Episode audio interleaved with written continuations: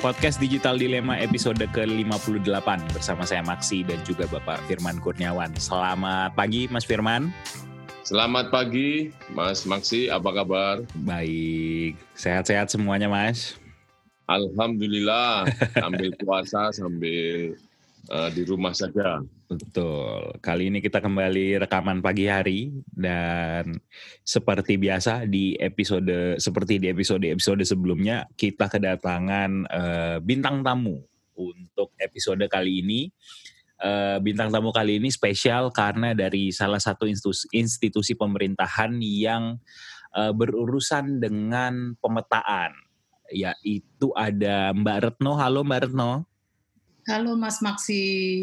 Mbak Retno dari BIG, Badan Informasi Geospasial, betul ya Mbak? Ya, betul. Iya, Mbak Retno adalah Kepala Bidang Layanan Jasa Kepala dan Balai Oh, Balai. Layanan Jasa dan Produk Geospasial. Nah, dari eh, Bad- eh, Badan Informasi Geospasial atau BIG. Mungkin banyak yang belum familiar Mbak dengan BIG ya. Eh, apa sih BIG itu Mbak? Eh, BIG itu adalah lembaga non kementerian. Kalau mungkin teman-teman dulu kenalnya namanya Bako Surtanal, Badan Waduh. Koordinasi Survei dan Pemetaan Nasional. Hmm. Nah, kemudian tahun 2011 itu dengan keluarnya Undang-Undang Informasi Geospasial, eh, Bako Surtanal bertransformasi jadi Badan Informasi Geospasial. Itu sejarahnya. Hmm. Dia eh, mengurusi apa Mbak? Geospasial ini apa sih bahasa awamnya gitu? Eh, kalau bahasa awamnya geo itu kan bumi.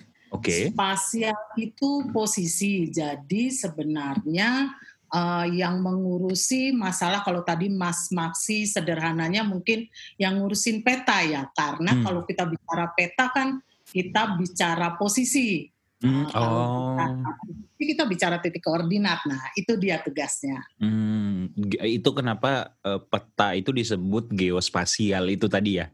Ya, Oke. informasi geospasial. Peta merupakan salah satu dari informasi geospasial. Hmm, berarti produk keluarannya adalah pemetaan tentang Indonesia, Mbak, gitu. Eh, salah satunya produknya memang eh, peta. Oke, Nah, petanya itu macam-macam kalau bicara peta ya. oke. Tapi selain peta, ada kalau kita bilang namanya di Undang-Undang Informasi Geospasial itu adalah informasi geospasial dasar. Jadi kalau informasi geospasial dasar itu ada jaring kontrol geodesi, jaring Mhm. kontrol geodesinya ada yang horizontal, ada yang vertikal. Nih udah teknis, Teknis. banget nih. Kalau itu dipakai geodesi pasti tahu. itu Jadi dipakai buat kalau- apa, Mbak? Dipakai buat apa? Jadi kalau mau bikin peta, Heeh. tentunya kan kita pinginnya peta yang tepat atau akurat. Oke. Kita eh, saya bicara dari sisi lembaga pemerintahan ya, Iya, iya, betul. si peta-peta yang komersial tuh. Heeh, Nah, heeh. Ini peta yang akan dipakai oleh pemerintah daerah Mm-mm. untuk perencanaan pembangunan. Oh, iya, Yang iya, harus iya, iya. nih titiknya. Jangan sampai ketika kita bicara posisi misalnya Hmm, rumahnya Mas Aksi ada di jalan X nomor ini, mm-mm, titik koordinatnya ini, mm-mm. kalau kita tidak tepat, tidak akurat, jangan-jangan jatuhnya di tengah laut misalnya kayak gitu. Hmm, Jadi memang eh, yang namanya tadi jaring kontrol geodesi itu adalah untuk eh, mengikat eh, titik-titik koordinat yang kita pakai untuk eh, pemetaan tematik. Oke. Lumayan. Oke. Jadi memang eh, apa namanya? Memang pe- peta itu memang digunakan untuk salah satunya pembangunan di daerah gitu ya, Mbak ya. Ya betul. Hmm, jadi supaya pembangunannya tepat ya harus lokasinya tepat di mana, dia harus mengenal. Jadi upaya untuk mengenal daerahnya lebih lagi gitu ya. Betul, betul. Oke, Kan daerah biasanya kalau yang isu yang banyak itu kan misalnya masalah perizinan, mm-hmm. atau masalah uh, beberapa waktu yang lalu yang uh, terkait dengan kota apa tuh yang di daerah Cikarang itu kan uh, bupatinya yang perempuan tuh kena karena dia memberikan izin yang sebenarnya wilayah tersebut di dalam rencana detail tata ruangnya mm-hmm. peruntukannya bukan untuk peruntukan pemukiman. Nah, itu jadi peta-peta yang ada di BIG digunakan oleh pemerintah daerah, mm-hmm. misalnya salah satunya untuk penyusunan rencana tata ruang wilayah, mm. terus rencana detail tata ruang, lalu mm-hmm. untuk pemetaan batas desa, batas administrasi dari provinsi, kabupaten, kota, kecamatan, kemudian hmm, desa kelurahan. Itu terus itu dari sisi jadi mungkin kalau kita mau pilah dulu secara flowchartnya informasi geospasial yang ada di BIG itu yeah. ada ya. informasi geospasial dasar, hmm. ada informasi geospasial tematik. Hmm. Nah, ornya BIG ini di informasi geospasial dasar. Hmm. Jadi informasi geospasial dasar tadi yang saya bilang ada tentang jaring kontrol yeah, dan yeah. juga ada peta dasarnya. Nanti kalau tematiknya BIG ini sebagai pembinanya. Nah, yang bikin peta tematik siapa yang bikin peta tematik? Adalah kementerian dan lembaga lain. Kalau peta kehutanan ya oh, ya orang yeah, kalau yeah, peta yeah. mineral ya ESDM gitu. Hmm, ya ya ya. Jadi um, dia semacam fasilitator juga untuk uh, ya. pokoknya yang jago peta itu di situlah ngumpulnya gitu ya. Kurang lebih begitu. Nah, mudah-mudahan. yang menarik uh, aku lihat beberapa kali di sosial medianya itu ada yang terkait dengan COVID-19 nih ada ya. namanya um, peta COVID ya, peta persebaran atau peta apa Mbak yang ya, di Macam-macam nanti namanya petanya. Ha-ha. Nah itu uh, gimana tuh uh, konsepnya itu uh, masyarakat bisa memanfaatkan apa dari peta itu gitu Mbak? Jadi kalau kita uh, cerita ke belakang dulu dengan adanya wabah ini tentunya sekarang uh, informasi yang harus disampaikan ke masyarakat adalah informasi yang terpercaya. Tidak hoax tidak sembarang uh, masyarakat mendapatkan informasi. Dengan latar belakang tersebut, karena BIG memang tadi tugasnya membuat peta, Pak Kepala BIG membentuk mm -hmm. tim penyiapan data dan informasi tematik terkait COVID-19. Mm -hmm. uh, tapi kerangka kita tim yang dibentuk ini dalam kerangka kebijakan satu peta. Jadi mm -hmm. tetap nih bicaranya tentang kebijakan satu peta. Nah, apa sih yang dihasilkan dari tim ini? tim ini melakukan analisis spasial, jadi analisis yang terkait dengan keruangan, sehingga dapat menghasilkan informasi yang nanti bisa dipakai pemerintah atau masyarakat.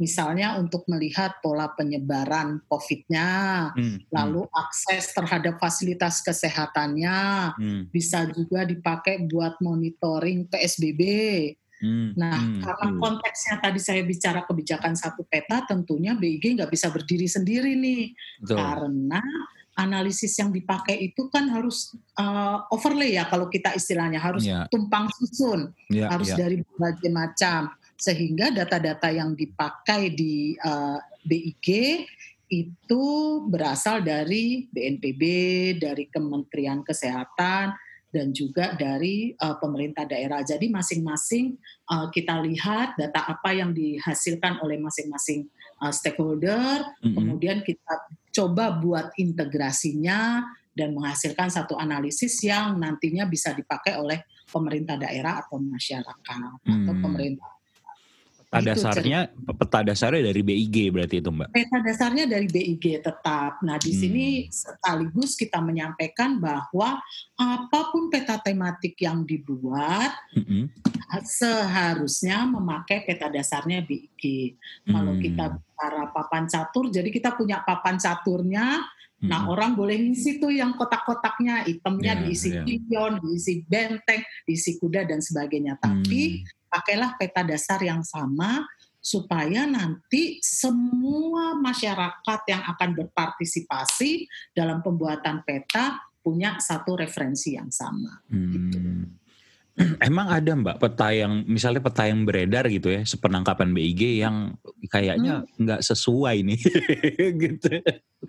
Banyak. Oh, banyak, Mbak? banyak banget, banyak. Karena Oh serius? memang serius banget. Sebelum KSP ini, sebelum adanya kebijakan satu peta di era Heeh. pemerintah Pak SBY, dulu Heeh. mulainya di zamannya pemerintahan Pak SBY ya.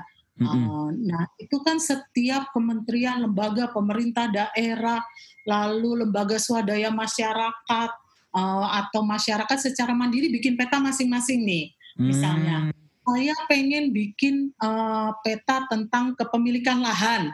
Hmm, hmm. Nah, kemudian karena dasarnya nggak sama, akhirnya bikin sendiri-sendiri kan. Hmm. Misalnya KLHK kita bikin peta kawasan hutan atau pemanfaatan hutan sendiri. Hmm. Lalu Kementerian SDM juga buat sendiri. Hmm. Sehingga nanti itu kan akhirnya tumpang tindih. Hmm. Karena tidak dijadikan satu. Rumahnya nggak ada lah. Kalau Iya, kita iya. mau bikin kamar, mau bikin dapur, tentunya harus ada pondasinya kan. Hmm, hmm, Nah, hmm. ketika pondasinya nggak ada, akhirnya berantakan gitulah. Kira-kira. Yang Itu satu pat- banyak. patokannya pohon alpukat, yang satu patokannya pohon Ah, nangka gitu ya. itu dia nggak ketemu kan? Iya iya iya iya. Dulu rumah saya di sebelah pohon nangka. Sekarang Bisa pohon jadi depan pintu kita adalah dapurnya orang. Nah itu. Apalagi Iya. masalah batas itu juga eh, banyak kepala-kepala daerah eh, yang digugat karena mereka memberikan izin, misalnya Hmm. penambangan di skala kecil kan masih di pemerintah daerah, Pak Ya. Gubernur atau Pak Bupati yang memberikan izin. Hmm. Tapi mereka tidak tahu persis nih batas wilayahnya yang tergambar di peta tuh di mana, sehingga Hmm. mereka main tanda tangan aja kasih izin. Bupati sebelah kasih izin. Akhirnya Iya, iya. menimbulkan sedang sengketa. iya, Eh, maksud pekerjaan berat eh, ketika BIG melalui Menko Perekonomian mendapatkan tugas untuk bisa eh, membuat itu menjadi satu peta karena Hmm. ada sekian le- kementerian lembaga kemudian ada sekian peta tematik yang Hmm. harus kemudian Perbarui. disinkronkan dan Hmm. diintegrasikan. Iya, betul. Berarti waktu waktu awal-awal tuh terima peta masing-masing pas di overlay jadi satu tuh numpuk semua, Mbak. Nah. Kan kalau kita berarti harus ngapusin satu-satu, Iya harus nambahin iya iya. satu garisnya, Iya. seperti kayak gitulah. Mas- masalahnya di balik peta itu ada izin-izin ya. yang bikin makin susah. Nih, Izinnya udah lima tahun, 10 tahun, harus digambarnya gimana? Hmm, banyak sih kita iya, juga iya. banyak. Jadi sebenarnya kalau kita bicara spasial, bicara informasi geospasial, mungkin orang oh yang butuh uh, hanya orang-orang yang terkait dengan pemetaan nih. Ternyata enggak. Iya, Jadi iya. di BP itu kadang datang dari uh, advokat, advokasi. Jadi mereka mau Oh, melihat ya tadi itu mereka Sengketa. menjadi pengacaranya salah satu pihak. Nah itu Hmm. kan harus tahu persis nih uh, uh, batasnya di mana, kenapa dikasih izinnya seperti itu. iya iya. Dan juga waktu itu pernah ada KPK. Ini menarik juga. Mm-mm. Uh, jadi di KPK itu mendapat aduan dari masyarakat terkait dengan pembangunan kalau nggak salah waktu itu dermaga ikan atau apa di dermaga pelabuhan di Hmm. salah satu daerah. Jadi mereka katanya ada pembangunan fiktif Hmm. terhadap satu eh, tempat pelabuhan ikan atau apa saya lupa Mm-mm. dermaga Mm-mm. ikan. Nah, itu jadi KPK itu mau melihat nih secara serial temporernya seperti apa. Jadi Hmm. apakah memang sudah dibangun misalnya di tahun X uh, sudah dibangun, kemudian di tahun Y ternyata uh, dibangun lagi. Nah Hmm, itu kan hmm. uh, apakah ini pembangunan baru atau ini apa uh, Fiktif ya.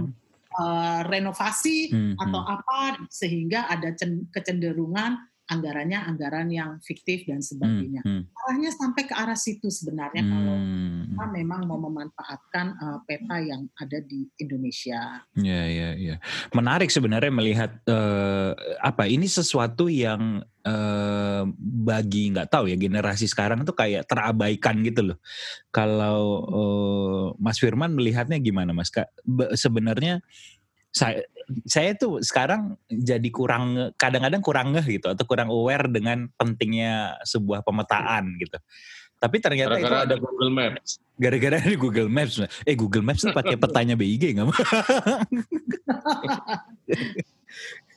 nah, Iya, kalau saya melihat justru kan kita sedang eh, sedang menuju proses information society, hmm, masyarakat yang melek informasi. Itu hmm, antara lain eh, informasi-informasi yang mereka rujuk itu harusnya informasi yang eh, valid.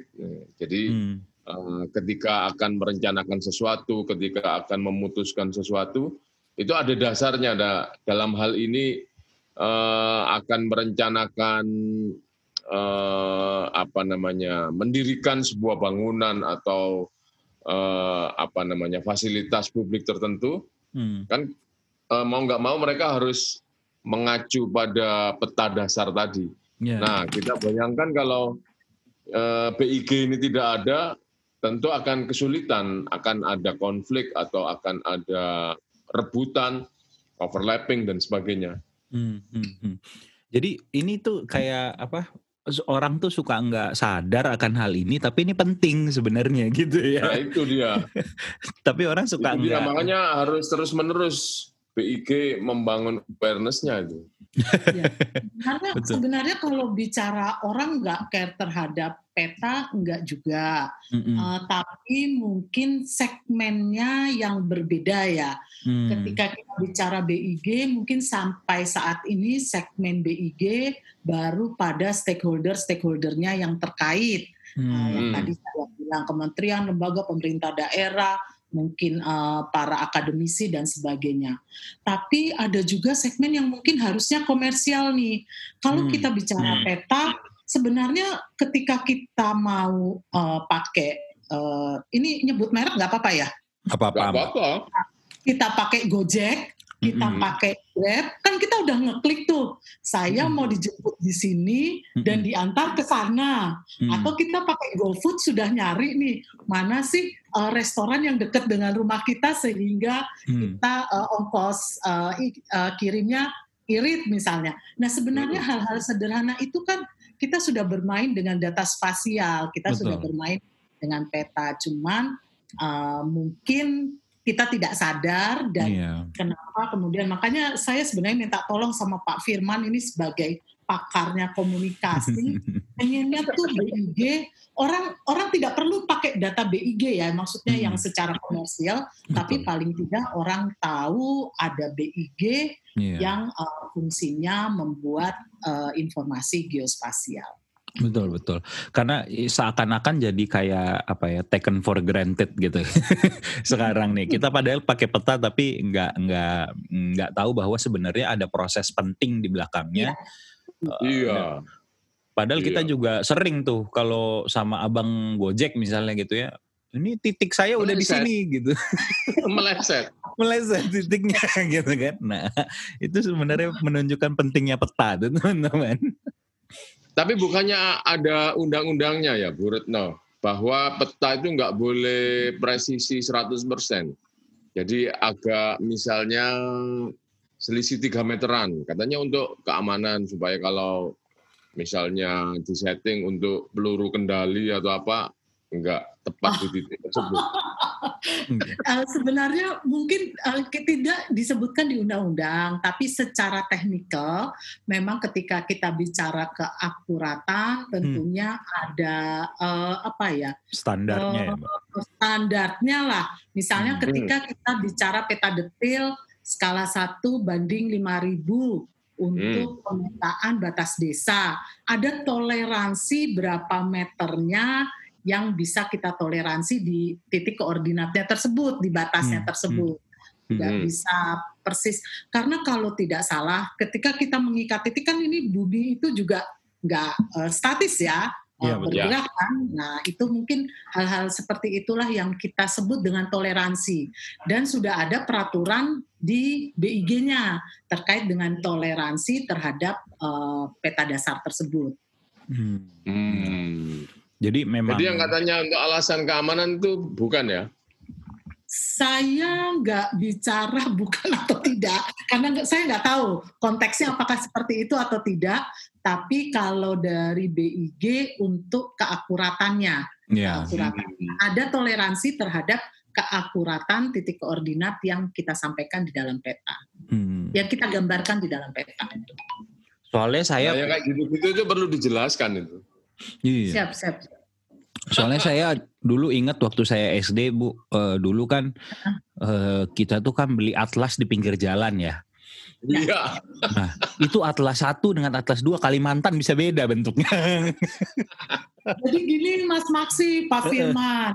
Jadi ketika kita bicara atlas, ketika kita bicara peta, kita harus lihat skalanya nih. Hmm. Nah, jadi mungkin kayak seperti atlas. Atlas itu bisa jadi skala satu dibanding satu juta Mm-mm. atau Hmm. satu dibanding 5 juta. Hmm. Tentunya akan berbeda ketika kita membuat peta pada skala satu dibanding 25 ribu atau satu dibanding 50 ribu. Hmm, hmm, hmm. Jadi misalnya satu garis pada skala satu banding satu juta lah misalnya Hmm, hmm. itu hanya garis lurus.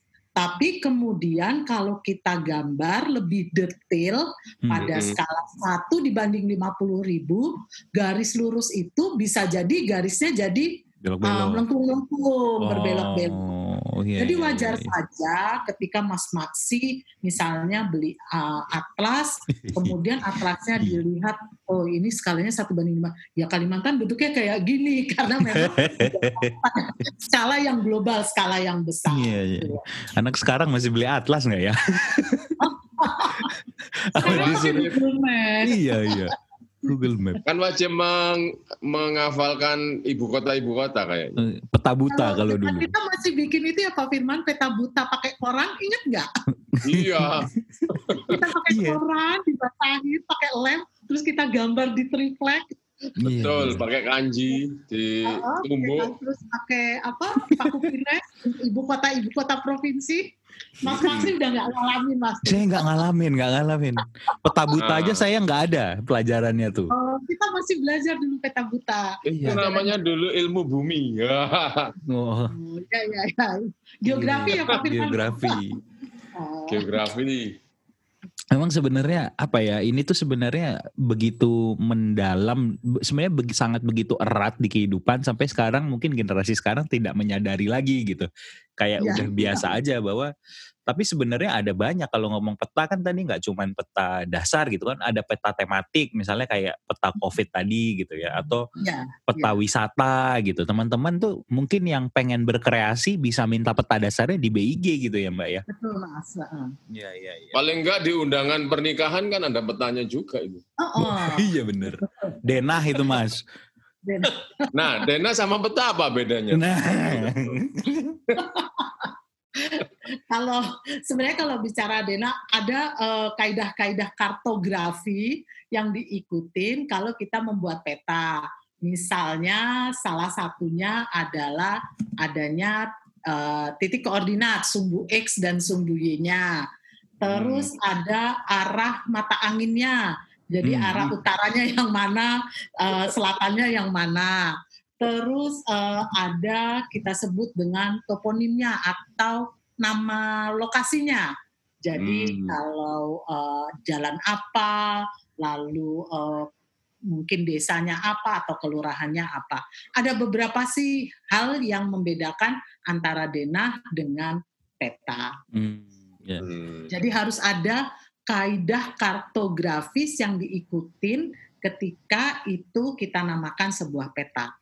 Kartografi itu ilmu peta mbak. Uh, ilmu penggambaran peta. Wah, Oh. uh, ada ilmunya. Kalau kita kan pokoknya sebelahnya apa gitu. Iya. Utara selatannya nggak penting, Iya. pokoknya ada eh, lapangan kosong terus. Kalau di Jogja kan pakainya pakai mata arah mata angin. Iya. Ah itu aku paling bingung tuh kalau ke Jogja tuh. Uh, uh, Jadi yang Kulon nama, Wetan. Jadi yang namanya barat timur itu kiri kanan yang mana sih bang kalau di Jogja? Sebelah Mas baratnya ini gitu. Mas Maksi harus ngapalin uh, Gunung Merapi. Oh, adalah Gunung Merapi itu utara. Utara. Oh. Masuk Parangtritis selatan. Jadi harus itu. oh. Jadi kalau kita oh ke arah Gunung Merapi berarti kita ke arah utara. Jadi kalau tempat kan misalnya gedung utamanya UGM itu ada di sebelah uh, baratnya Fakultas Geografi hmm. karena utaranya adalah Gunung Merapi. Jadi hmm, gitu. Iya itu saya paling bingung mbak kalau di sana tuh nanya ya, ke orang benar. gitu ya. Ke, ke, bapak nanti ke sebelah barat itu kiri apa kanan? Mending kalau pakai barat, timur, utara, selatan. Kalau wetan gitu tambah pusing. Bener, bener, bener. Pak Firman di Jember itu. Tapi Mbak, kalau ini benar nggak sih Mbak? Ini trivia ya. Katanya kan kalau peta dunia itu uh, yang di tengah kan Inggris karena dia pemenang pemenang perang dunia gitu. Jadi jadi dia memang membuat dirinya di tengah gitu. Itu benar nggak sih Mbak?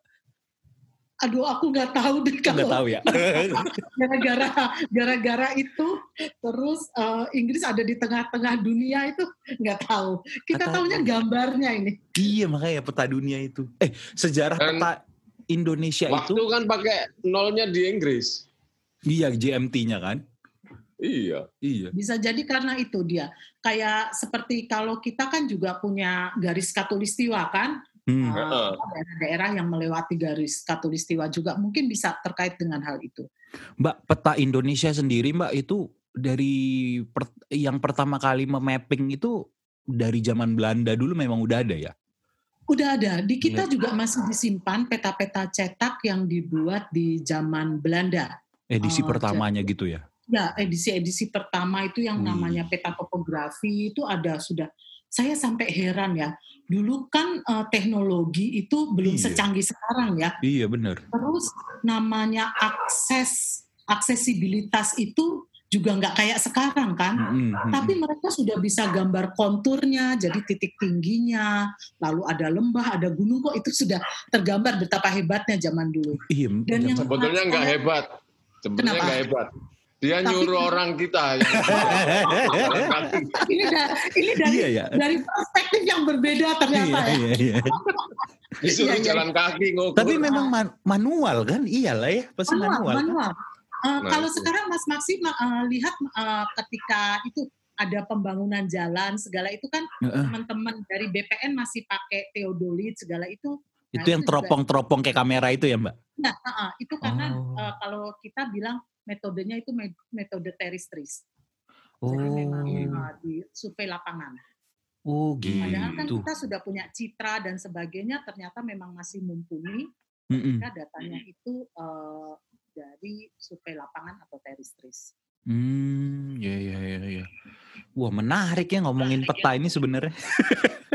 dan satu lagi yang sebenarnya menarik ya, mm -mm. jadi peta-peta kita yang lama-lama itu Mm-mm. kita itu nyari di arsip itu kadang nggak dapat.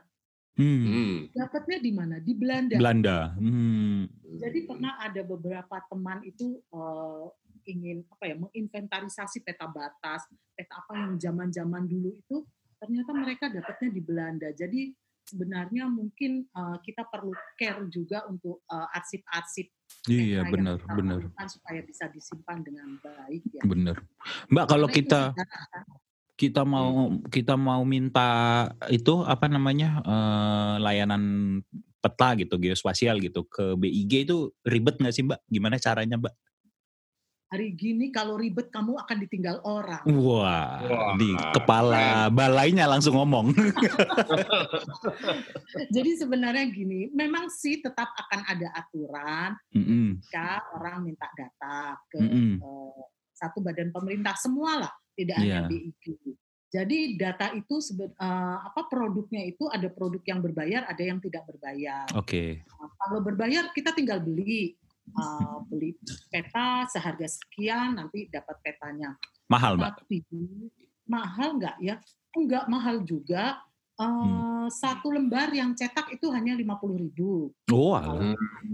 Ngeplot kan kalau ngeplot sendiri di luar. Capek. Nah, uh, tetapi kita punya juga aturan ketika peta-peta tersebut diminta oleh kementerian lembaga pemerintah daerah, uh, akademisi, misalnya per, institusi pendidikan nih, perguruan mm-hmm. tinggi, mm-hmm. sekolah, itu yang tadinya berbayar-berbayar boleh dimintakan gratis. Mm asal kepentingannya tidak untuk kepentingan komersial. komersial. Hmm. Jadi misalnya Pak Firman dari hmm. uh, institusi pendidikan mau butuh peta, nggak usah beli, tulis aja surat ke kepala BIG, petanya ditujukan untuk analisis yang mahasiswanya mau nulis skripsi, tesis atau disertasi, kita berikan hmm. secara gratis. Hmm. Tapi memang kita perlu surat atau perlu permohonan permintaan supaya kita tahu nih produk BIG ini disebarluaskan untuk siapa saja sih yeah, gitu yeah.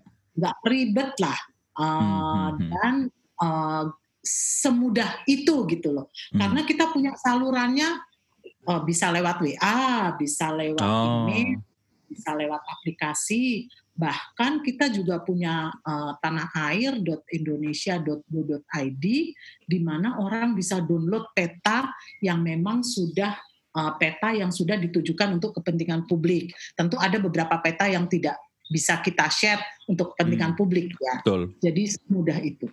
Oke, sip.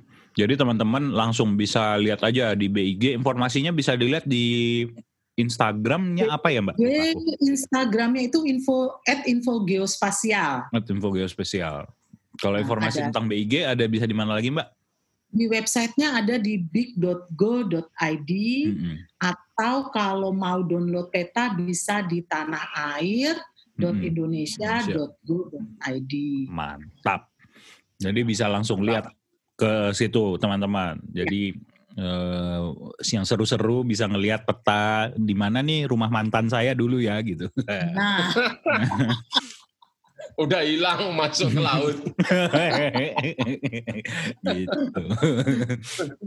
Ini karena waktu kita tinggal empat menit lagi, jadi saya terpaksa harus menutup uh, diskusi kita pada episode kali ini. Mas Firman, ada yang mau ditambahkan? Ya kurang lebih ini ada produk bagus, mm -mm. sangat valid. Mari kita manfaatkan. Betul.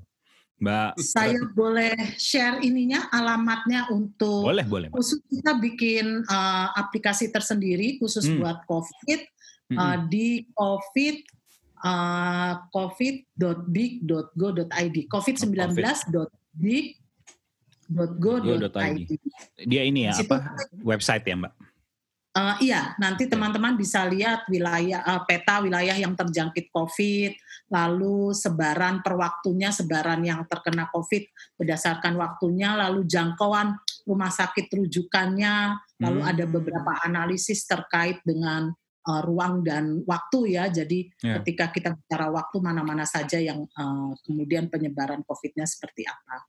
Real time, Mbak, datanya. Kenapa? Real time nggak datanya? Uh, real time. Real time. Ada Wih, beberapa yang real time. Terkait dengan peta sebaran waktu itu nanti real time.